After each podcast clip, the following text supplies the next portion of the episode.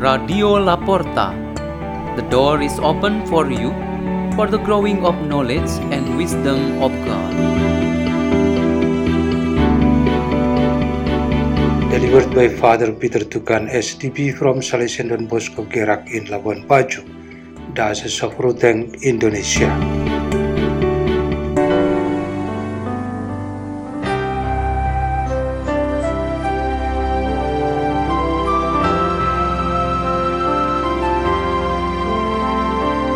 Reading and meditation on the Word of God on Tuesday of the fifth week in Ordinary Time, February 6, 2024. Memorial of Saint Paul Miki and companions, priests and martyrs.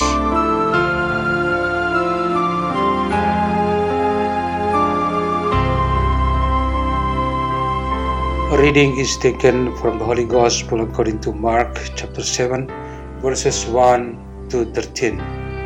When the Pharisees with some scribes who had come from Jerusalem gathered around Jesus, they observed that some of his disciples ate their meals with unclean, that is, unwashed hands.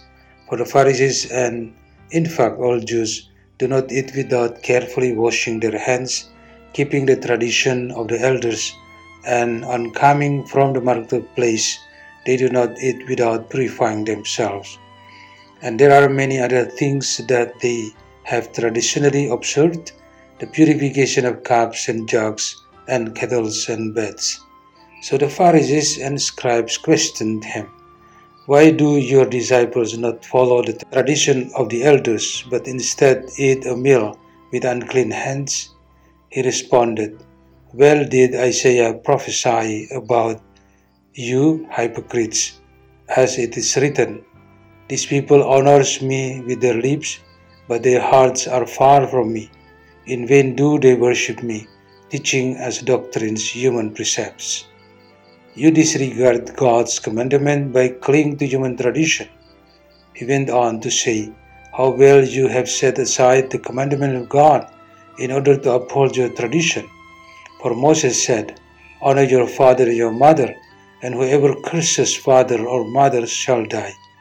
Yet you say, If someone says to father or mother, Any support you might have had from me is korban, meaning dedicated to God.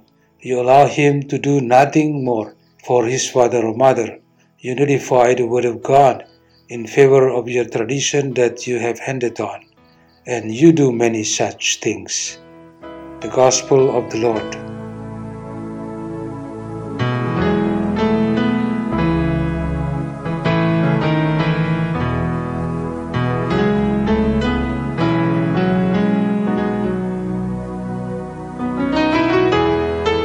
Theme for our meditation today is The Action Speaks Against the Lips.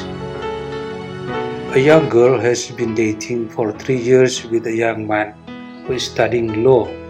Lately, the girl became disappointed with the attitude of that competent and smart young man. The young man speaks very alluring and makes many promises, but the realization of them is zero. She and her hope will only be devastated if the young man's love is only on the lips and ultimately cannot be proven. She always reminds her boyfriend love is not the matter of the action speaks against the lips. This teenage girl's criticism is only a small portion of Jesus' great criticism towards the Pharisees and the scribes in the scriptures. They descended from Jerusalem to where Jesus was, about hundreds kilometers away, with the intention of proving that Jesus and his followers violated Jewish tradition and religious rules. The rule they emphasized is human interpretation of God's command from Moses. For example, they found the apostles of Jesus did not wash their hands before eating.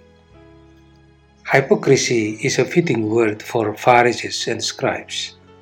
Jesus immediately stated that their worst offense was betraying the true word of God. For example, commands from Moses to respect and love parents especially those who suffer and in sickness in their own families. The actual cost for treating these family members were diverted for various types of taxes in the temple. The people were required to fulfill these, and the money was for their greed. This type of corruption has become their mentality and even continued until now. Their motivation is money.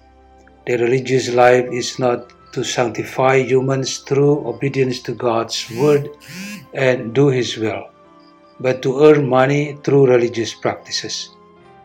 To reinforce this main strategy, they must concoct all the numerous implementation of rules, including those mentioned earlier, to wash all food and drink utensils and hands. Their appearance must be pure, their lips and mouth must speak well, and their gestures must be perfect. People must believe in them and are compelled to always obey the temple taxes. This is what Jesus strongly opposed and condemned. King Solomon repeated God's main intention was to live forever on this earth with mankind, but not in hypocritical humans like the Pharisees and the scribes. Only truth makes the kingdom of God great in the world, not hypocrisy. Let us pray in the name of the Father, and of the Son, and of the Holy Spirit. Amen. O Jesus Christ, strengthen us to be able to resist all the falsehood we face in life. Glory to the Father, and to the Son, and to the Holy Spirit, as it was in the beginning, is now, and ever shall be, world without end. Amen.